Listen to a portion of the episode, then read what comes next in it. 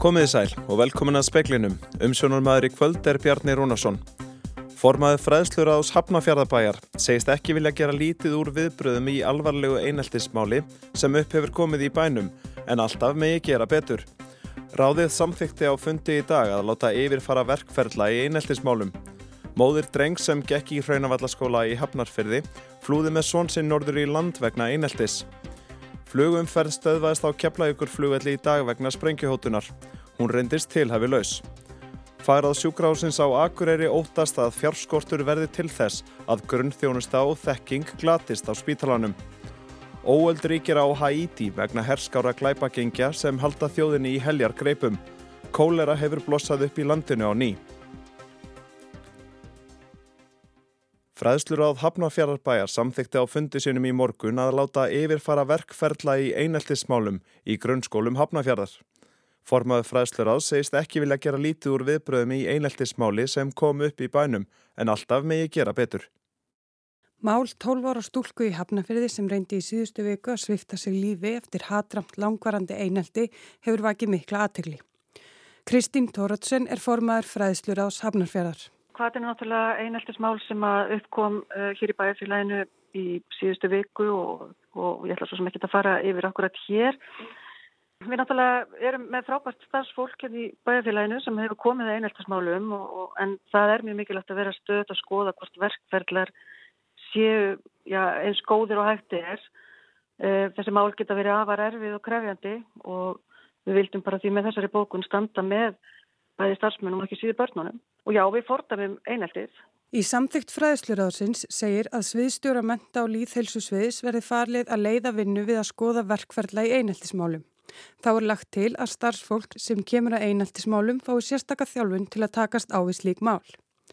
Kristín segist ekki vilja gera líti úr viðbröðum í eineltismálunum sem umræði en auðvitað sé alltaf hægt að gera betur. Þetta er auðvitað bara búið að vera erfitt fyrir okkur en umfram allt er þetta náttúrulega búið að vera erfitt fyrir þá sem að uh, þólandan í þessu tilfelli og eineltismáli er bara alltaf erfið og við viljum, við getum öruglega aldrei komið í veg fyrir við all en við getum sem samfélag allavega uh, reynda að fækka þeim en heilt yfir þá viljum við bara vera vissum það við séum með allavega þá bestu verkferðla sem við getum. Þetta var Kristín Tórótsen, Ástalín Magnúsdóttir talaði við hana og í sjóarsfrettum klukkan 19 verður rætt við móður drengs sem neytist til að flýja einelti og ofbeldi í Hraunavallaskóla í Hafnarferði Hún flutti með svon sinn á Blönduós og segir kerfið vera máttlaust. Hann vildi ekki fara í skóla, hann kom heim grátand úr skóla, hann lind okkur líkamlegum áverkum. Við þurftum að eða mikill orku í að reyna að fá það upp borunum hvernig hann hlaut þessa líkamlegu áverka. Umferðum Keflaugur flugall var stöðuð um tíma síðtegis vegna sprengjuhótunar. Farþega fullar velar sátu fastar á flugbröðinni meðan málið var rannsakað. Sangvand heimildum fréttastofu var hótunin byrt á Twitter. Í týstinu segir ég ætla að sprengja sjálfa mig í loftu með sjálfsmorð sprengjuvesti á Keflavíkuflugvelli. Upplýsingafulltrúi í Savia sagði að starfsemi flugvallarins væri komin í samt horf og ástandið væri hefðbundið. Hann vildi að öruleiti ekki tjá sig og vísaði á lögreglu. Lögreglan í flugstöðu Leifs Eiríkssonar staðfesti að hótun og Twitter hefði verið ástæðan fyrir viðbúnaðinum. Hóturinn hefða sjálfsögðu verið skoðuð en reynst tilhæfilaus. Þetta er þriðja sprengjuhóturinn á hálfu ári sem setur starf Keflavíkuflugvallar í uppnám. Öllu flugi var beint frá flugvallinu fyrir um mánuði síðan þegar flutningavél sem var á leið frá Þýskalandi til Bandaríkjana var lendi í Keflavík vegna sprengjuhótunar. Það var öll umferð stöðuð vegna sprengjuhótunar sem skrifu var á speil um borði Airbus þóttu frá Þýskaflugfélaginu Kondor í júli. Þeirri vél var snúið til Keflavíkur yfir Grænlandi á leið til bandaríkjana. Gunnhildur Kjærólf Byrkistóttir saði frá. Fagráða sjúkrahúsins á Akureyri hefur líst yfir þungum áhyggjum af framtíð sjúkrahúsins vegna slemrar fjárrakstöðu þess. Formaður farásins segir grunn þjónustu og þekkingu sjúkrahúsins í húfi. Jóna Valdís Ólafsdóttir, formaður fagráðs sjúkrahúsins, segir nöðsynlegt að leiðrétta grunn framlag til sjúkrahúsins og Akureyri til að viðhalda þeirri þjónustu og þekkingu sem býr innan vekja þess. Staðan er þannig að við höfum uppsafnaðan rekstarhalla undan farin ár og fjárheimildur í fjárlöfum, eh, þær eru ekki að duga fyrir þeirri þjónustu sem við erum að veita í dag. Hún segir mikla hagsmunni fólkna í að viðhalda góðri starfsemi á sjúkrahúsinu. Og góð þjónustu er náttúrulega að krafa samfélagsins og við erum að bregðastu því og ef þjónustan er ekki veitt hérna á þessu svæði þá þarf að veita hann eitthvað starf annar staðar sem væri þá landsbítalinn mögulega og hann verið svona ekki verið stakk búin til að bæta þessu verkefnum eins og staðan er núna og auk þess þá fylgir því líka bara aukinn kostnaður sem leggst á sjúkratryggingar eða annan það sem þarf að borga fyrir þjónustu og flutninga og sjúklingum annar staðar. Hvað veldur því að þið sendið eh, þessa yfirlýsingu frá ykkur núna? Hvað var það sem fylgti mælinn? Þetta er náttúrulega búið að vera svona var vandamáli fyrir það er vandamáli núna og við vitum alveg að þessu og núna er þess að nýta okkur bara tíman á milli fjárlega umræðu á þinginu. Það færið minnisblöð frá stjórnundum til ráðneitisins og ráðneitana og við viljum bara með þessu líka styðja við okkar stjórnundur og, og sem fólki og gólfinu í þessu fagræði vekja aðtökla því hversu mikilvægt þetta er fyrir bara alla landsmenn. Segir Jóna Valdís Ólafsdóttir, Amanda Guðrún Bjarnadóttir tók saman. Bilun í sendi ríkis útvarsins á skálafelli veldur því að útsendingar ásar eitt likur niðri víða á suðvestur horti landsins og tröflanir eru á útsendingur ásar 2.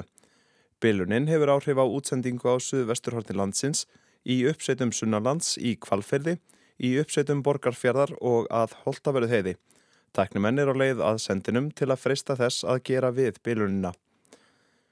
Formaður sjálfsbjargar segir þörf á að vekja alla til umhugsunar svo samfélagið missi ekki af þáttöku fólks sem hafi verið útilokað allt of lengi.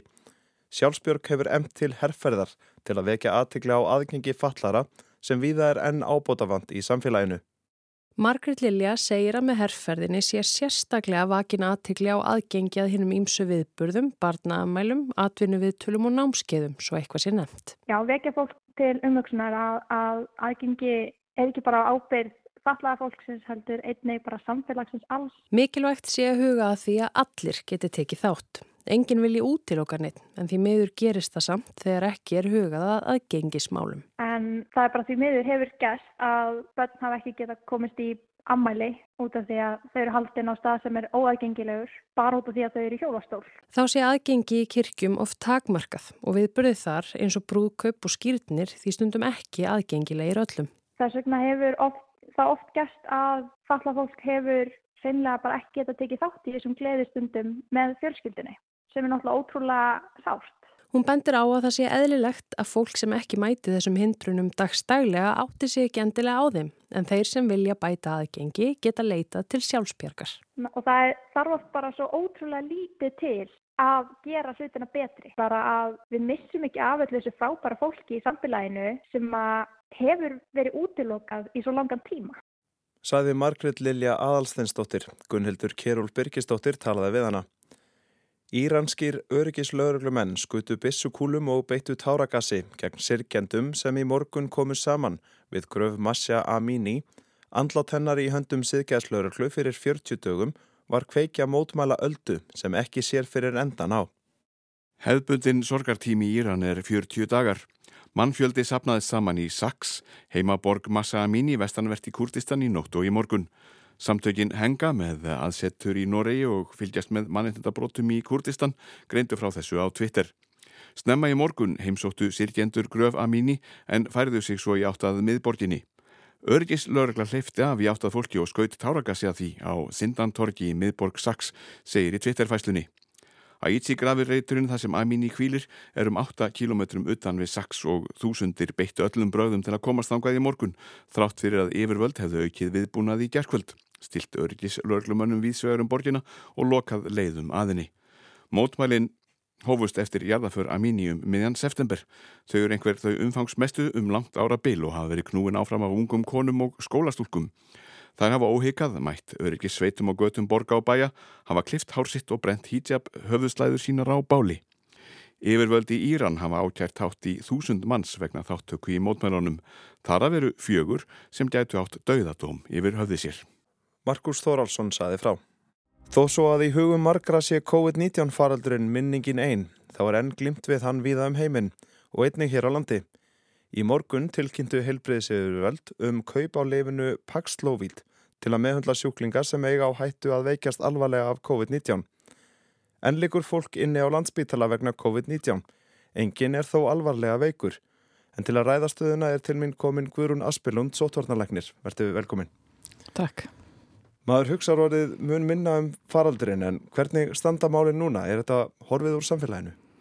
Nei, það er það nú ekki því miður og ég held að heiminum sem komin langt umfram það að búast við því að við getum útrýmt COVID. En tilfelli hér er ekki mjög mörg sem er að greinast á hverjum degi en þó hefur þetta verið svona um 30-40 á dag núna undarfarið. Mm -hmm. Hvernig stöndum við akkvært þessu hjarða ónæmi sem við erum búin að vera að stefna að í já, nokkur ári núna? Hvað stöndum við núna? Já, ég veit nú ekki alveg hvort að það var endilega stefnan en, en ég held að það sé nokkuð ljóst að það er ekki eitthvað sem endilega mun nást núna. Fólk er að líka smittast aftur uh, því að vörninn dvína nokkrum mánuðum uh, þó að ennþá veiti fyrir síking og bólsetning vörð gegn alveglega veikindum uh, og döðsföllum þá getur þú smitast aftur sérstaklega eftir nokkra mánuði. Þannig að eh, við munum sannlega að halda áfram að sjá tilfelli en það er bara spurning hvernig þetta verður, hvort þetta verður svona eitthvað áfram og jafnvel þá minna og komið svo aftur eftir einhver tíma en við erum ekki komin inn að mynda því hvernig veiran mun haga sér. En við erum náttúrulega sérstaklega vona að komi ekki einhver ný bilgja hérna í vetur. En er það nálgast þann tíma að við þurfum kannski að fara að huga aftur á bólsetningum hjá þeim sem að fengu kannski fyrst eða við að viðhalda bólusetningastíðinu með einhverjum hætti? Já, þetta er góð spurning. Það er náttúrulega núna átaki gangi þessi haust bólusetning að gefa örfuna skamt uh, sérstaklega þeim sem eru eldri og ákveðum áhættuhópum en það er einnig í bóði fyrir aðra sem vilja. Uh, en síðan er stóra spurningin já á að halda þessu áfram á einhverju mánuða fresti eða verður þetta einu svona ári eins og influensa og það er bara ekki alveg komin svona góð svör við því. Og hvernig er þáttakann í þessum, þessum verkefnum núna? Því að maður finnur það bara, fólk er mjög minna að hugsa um þetta, eðlega. Hvernig er þáttakann í bólusetningunum núna? Já, hún hefur verið ágætt uh, hjá eldra fólki. Við erum búin að fá uh, nokkuð góða þáttöku í eldra en 70 og eldri. Uh, 60 til 70 um, er ennþá undir 50% en komið nálægt í þannig að það mætti vera svolítið betra síðan er, er, er það mjög lægra í yngri uh, hópunum en það hefur ekki verið að leggja áherslu á það mm -hmm. Þetta liv sem að helbriðsöfu vald voru að tilkynna um í morgun það er því flutt inn Paxlovid, hvers konar liv er þetta og hver er, hver er fá þetta? Þetta er veirulif og það virkar uh, þannig uh, svona í gróðum dráttum að draga úr fjölgun veirunar þannig að veira að það fer inn í frumir í líkamannum og svo fjölga sér og frumann springur og þá er farið næstu frum og þetta verður svona veldig svöxtur þannig það virkar þannig með því að draga úr því.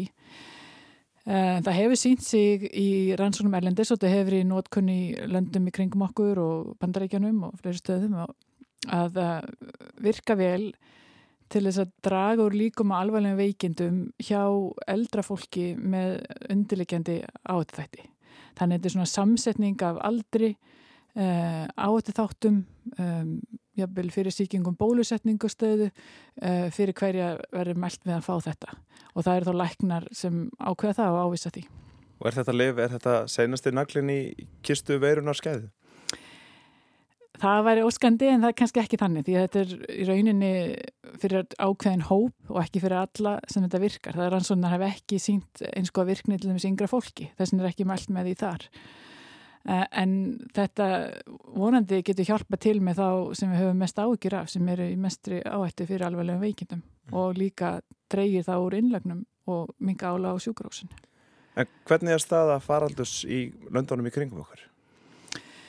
Hún er nú ágætt, það er svolítið mísjátt. Í Evrópu hefur rauninni aukning á tilfellum og innlagnum. Það er svolítið erfitt að meta smit því að það er mjög mísjátt hvernig tekið er að sínum, hvernig fólk fer í sínatökur. En á mörgum stöðum eru tekinn síni að fólk fer á spítala. Þannig þá er hægt að vita hvort að fólk er þá með COVID. Og þá er nú kannski helmingurinn að leggast inn vegna COVID en hinn helmingurinn með COVID en kannski rauninni á spítalan út af einhverju öðru. Eh, þannig að það hefur verið aukning undarfarið um, en samt mísett eftir löndum og Norðurlöndunum er staðan nokkuð góð. Það hefur þó verið einhver aukning í Nóri og Finnlandi Danir sá líka aukningu fyrir uh, stuttu síðan en það hefur dreyið úr því aftur hjá þeim. Þannig að eins og er er bara stöðut og í Svíþjóðir er ástandi líka verið einni bara mjög stöðut. Svo almennt sé er ástandi bara ágætt. Mm -hmm. En er þessi, þessi aukni, aukni þessi aukna tíðni smita, er það eitthvað sem þið hafið áhyggjur af? Já, við höfum ágjört ef við sjáum þetta fara svona upp í löndum í kringum okkur og líka því það var búið að spá uh, að það var nýri bylgi núna í vetur að það þótti líklegt að það myndi gerast og það væri þá samt hátt tvennu, það veri náttúrulega hegðun fólks að fólk væri að koma saman meira inni uh, það er kaldara veður ymsa samkomur fari í gang og þetta minni sóttvarnir og allir þreytir á þess eins og þú segir. Og svona, það er kannski samblanda þreyti ákveðni afnutun mm -hmm. en um, og svo líka þetta að ónamið dvín bæði ónamið bólsetningarinnar það er þannig.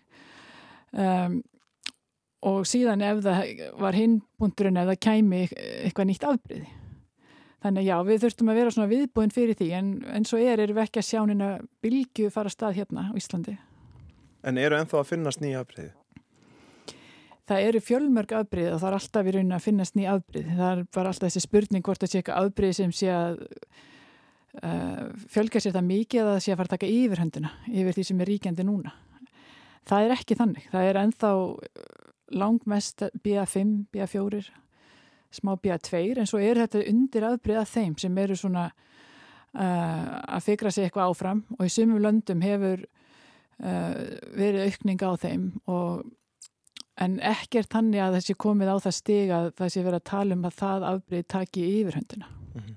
En hvað með aðra sjúkdóma eins og influensu meðan að far, á faraldrinum stóð að þá minguðu veikindi vegna influensu til muna því að það voru bara samkominn takmarkarinn út um allt.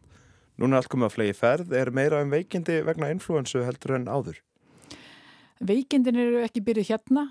Það var faraldur af influensa á söðukveli sem sér influensuna það undan okkur vegna það er aðrar ástíðir þar.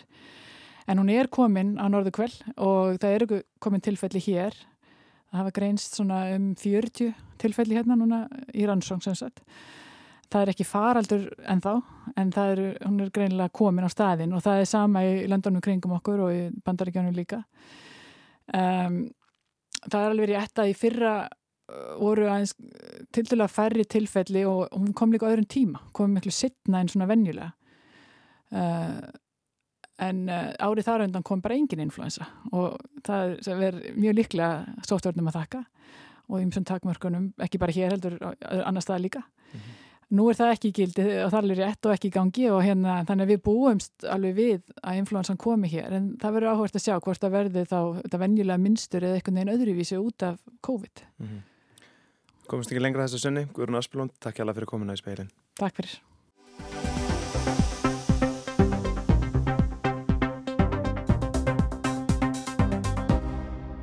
Staða erlendra kvenna á vinnumarkaði er viðkvæmari en íslenskra kvenna. Meiri líkur eru á að konur af erlendu bergi brotnar lendi í atvinnuleysi og veljist í störf sem ekki þarnast sérþekkingar eða mentunar. Jafnbreytti Sting fór fram í morgun og meðal þeirra sem flutti erindi þar var Berglind Holm Ragnarstóttir, lektor við Háskólan á Akureyri. Hún kynnti þar niðurstöður nýlegrar rannsóknar um stöðu og líðan kvenna.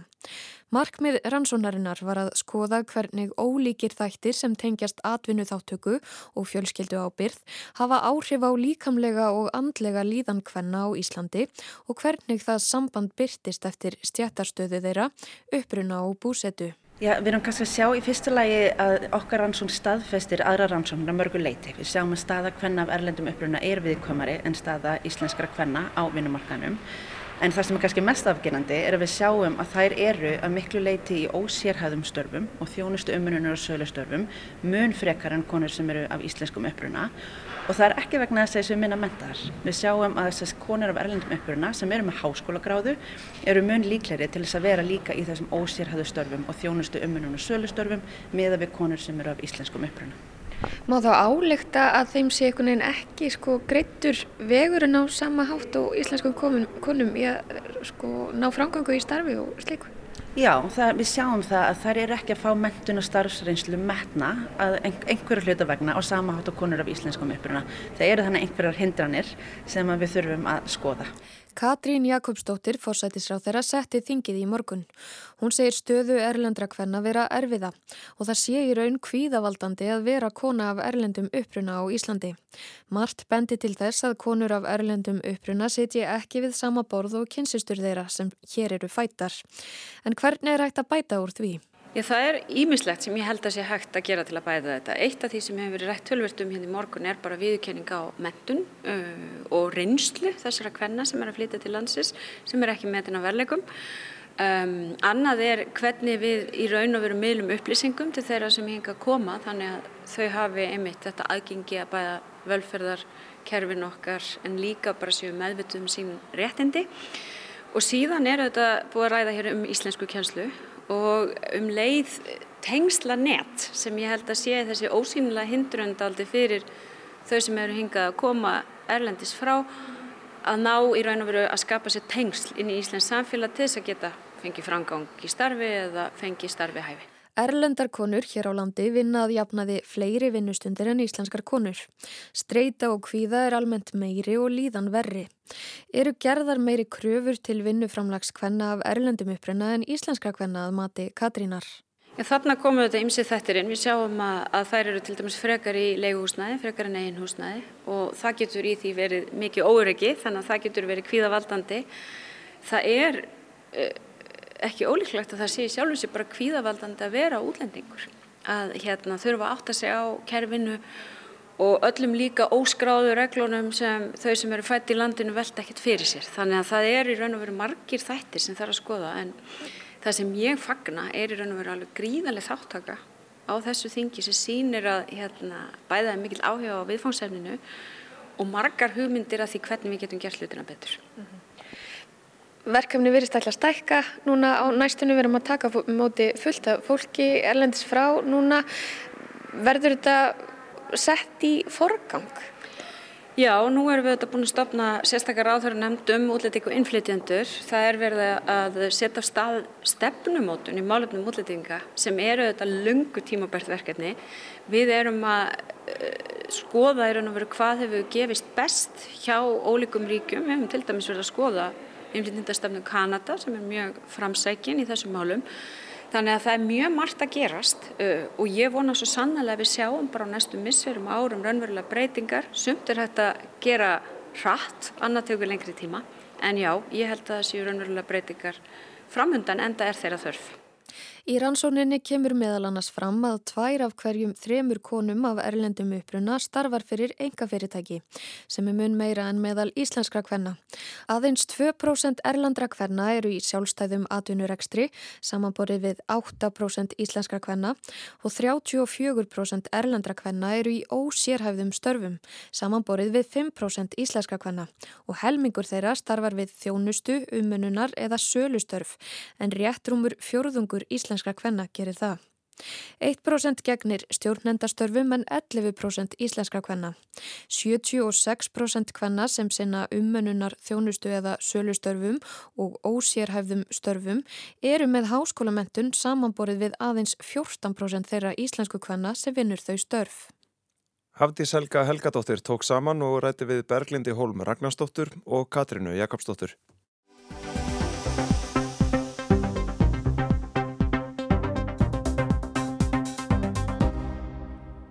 Íbúar Haiti í austanverðu Karibahavi eru vanir að glíma við erfiðleika af öllu tægi.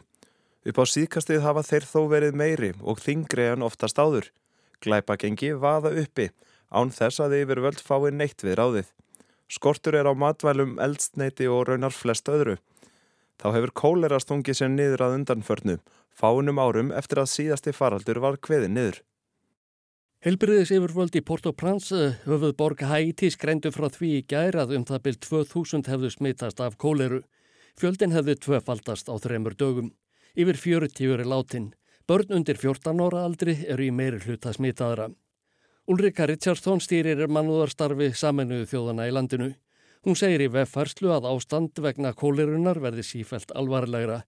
Því verði að grípa til skjótra og upplugra aðgerða til þess að ástandið fari ekki úr böndunum. Stefan Dusserik, talsmaður aðal framkvæmda stjóra saminuðu þjóðuna, tók undir það með Richardson þegar hann gerði grein fyrir ástandinu á fundi með frettamönnum. Eldsneitis skortur og uppiveðslu sem í glæpagengja gerðu þjálpar starfsfólki erfitt fyrir. Þrátt fyrir það saði Dusjarik að barnahjálp saminu þjóðana væri byrjuðu að dreifa drikjarvatni til um það byrð þúsund íbúa í City Soleil, einu alversta fátakra hverfi Haitis þar sem útbreðsla kólurinnar er mest. Despite this, UNICEF has started delivering safe drinking water to about a thousand people in Cité Soleil, which you know is one of the epicenters of this most recent outbreak of cholera. Að auki saði talsmaðurinn að tekist hefði um síðustu helgi að koma mat til 6.000 eh, íbúa hverfisins sem verst væru settir. Hjálpar starfsfólki þarf að gæta ítrustu varkárni við störf sín. Hætturnar hafa leinst víða á Haiti um langt skeið en ástandið hefur hríðversnað síðustu mánuði. Í júli blossuðu upp að bardagar millir glæpagengja sem berjast um að leggja undir sig yfir á það svæði hver annara. Þau helstu eru G-PEP og G9. Fóringi þeirra síðar nefndu er Jimmy Tisserey, fyrirverandi lauruglumadur sem gengur undir nafninu Barbecue. Gleipamennurnir gera hvað þeir geta til að komast yfir peninga, ræna jafnvel fólki um hábjartan dag og heimta lausnargjald. Þeir kveika í ópimberum byggingum og brenna dómskjöl svo að nokkuð sé nefnt. Gary Pierre Pierre, stopnandi fjölmiðilsins Haitian Times, segir að glæpa gengin ráði hvenar landsmenn fá vatn og eldsneiti og hvenar fólki sé óhætt að fara út úr húsum sínum. Í rauninni sé hægfara valdarán í gangi á Haiti, þar sé allt hætt að virka. They dictate when we have water, when we have fuel, when people can go out. Now what you're watching is basically a slow motion coup d'etat. Haiti has reached the point of a fail state right now. It is not functioning. Um miðjans eftirber herrtóku Barbecue og hans menn stærstu eldsneitisbyrðastöðin á Haiti og halda henni í herkví. Í henni eru um 70% af allri ólíu og bensíni sem tilir í landinu. Af þessum sökum getur lögreglen illa að tafna sig og bílar alþjóðlegra hjálpar samtaka fá ekki nægilegt eldsneiti. Stjórnvöld á Haiti hafa óskað eftir því að alþjóðasamfélagið komi til aðstóðar til að ráða nýðurlögum glæpahópana. Öryggisráð saminuðu þjóðana samþykti í síðustu viku að senda vopnað fjöldþjóðalið til landsins til að reyna að koma á lögum og reglu. Linda Thomas Greenfeld, sendi herra bandaríkjana hjá saminuðu þjóðunum, sagði að með því væri verið að bregðast við hjálparbeðinni frá hætísku þjóðinni. Hún vildi að greipið yrði til aðgerða gegn glæpagengjum og þeim sem fjármagnar starf sem er þeirra sem hefðu valdið ómældum skada í þjóðfélaginu. They want us to take action against criminal actors, including gangs and their financiers, who have been undermining stability and expanding poverty in their vibrant society. Ofan á allt annað bætist að á Haiti ríkir stjórnarkreppa. Sjófanel Moís fórseti var myrtur í júli í fyrra. Stjórnvald fólu Ariel Henry fórsetis ráð þeirra að taka við stjórnartaumunum þar til eftirmaður hans hefði verið kjörinn en hefur ekki orðið af því meðal annars vegna upplugsjarðskjálta sem varði fyrra sumar og afleðingum af völdum fellibilja. Og það var Ásker Tómasson sem saði frá. Það var helst í speiklunum í kvöld að formaður fræðslur ás Hafnafjörðarbæjar segist ekki vilja gera lítið úr viðbröðum í alvarlegu eineltismáli sem upp hefur komið í bænum en alltaf megi gera betur. Ráðið samþykti á fundi í dag að láta yfirfara verkferðla í eineltismálum Móður dreng sem gekk í hraunavallaskóla í Hafnarferði flúði með svonsinn norður í land vegna eineltis. Flugum fer stöðvæðist á keflaugur flugvelli í dag vegna sprengjuhótunar. Hún reyndist tilhæfi laus. Farað á sjúkrásins á Akureyri óttast að fjárskortur verði til þess að grunn þjónusta og þekking glatist á spítalanum. Óöld ríkir á Haiti vegna herskára glæpagengja sem halda þjóðinni í heljar greipum. Kólera hefur blossað upp í landinu á ný. Lítum þá til veðus. Norðaustan 5-10 metrar á sekundu í kvöld en viða bjart veður en skíjað og dálitil ryggning austalands. Norðræg eða breytileg átt 3-8 metrar á sekundu á morgun. Létt skíjað sunnan heiða en skíjað með köplum norðan til og stöku skúrir eða slittuél. Sumstaðar vægt frost í nótt en hitti 0-8 steg á morgun, mildast siðst. Fleira er ekki í speiklinum að þessu sinni. Tæknimaður var Magnús Þorstein Magnússon, frétta átsendingu stjórnaði Margret Júlia Ingimarsdóttir. Njóti kvöldsins og verði sæl.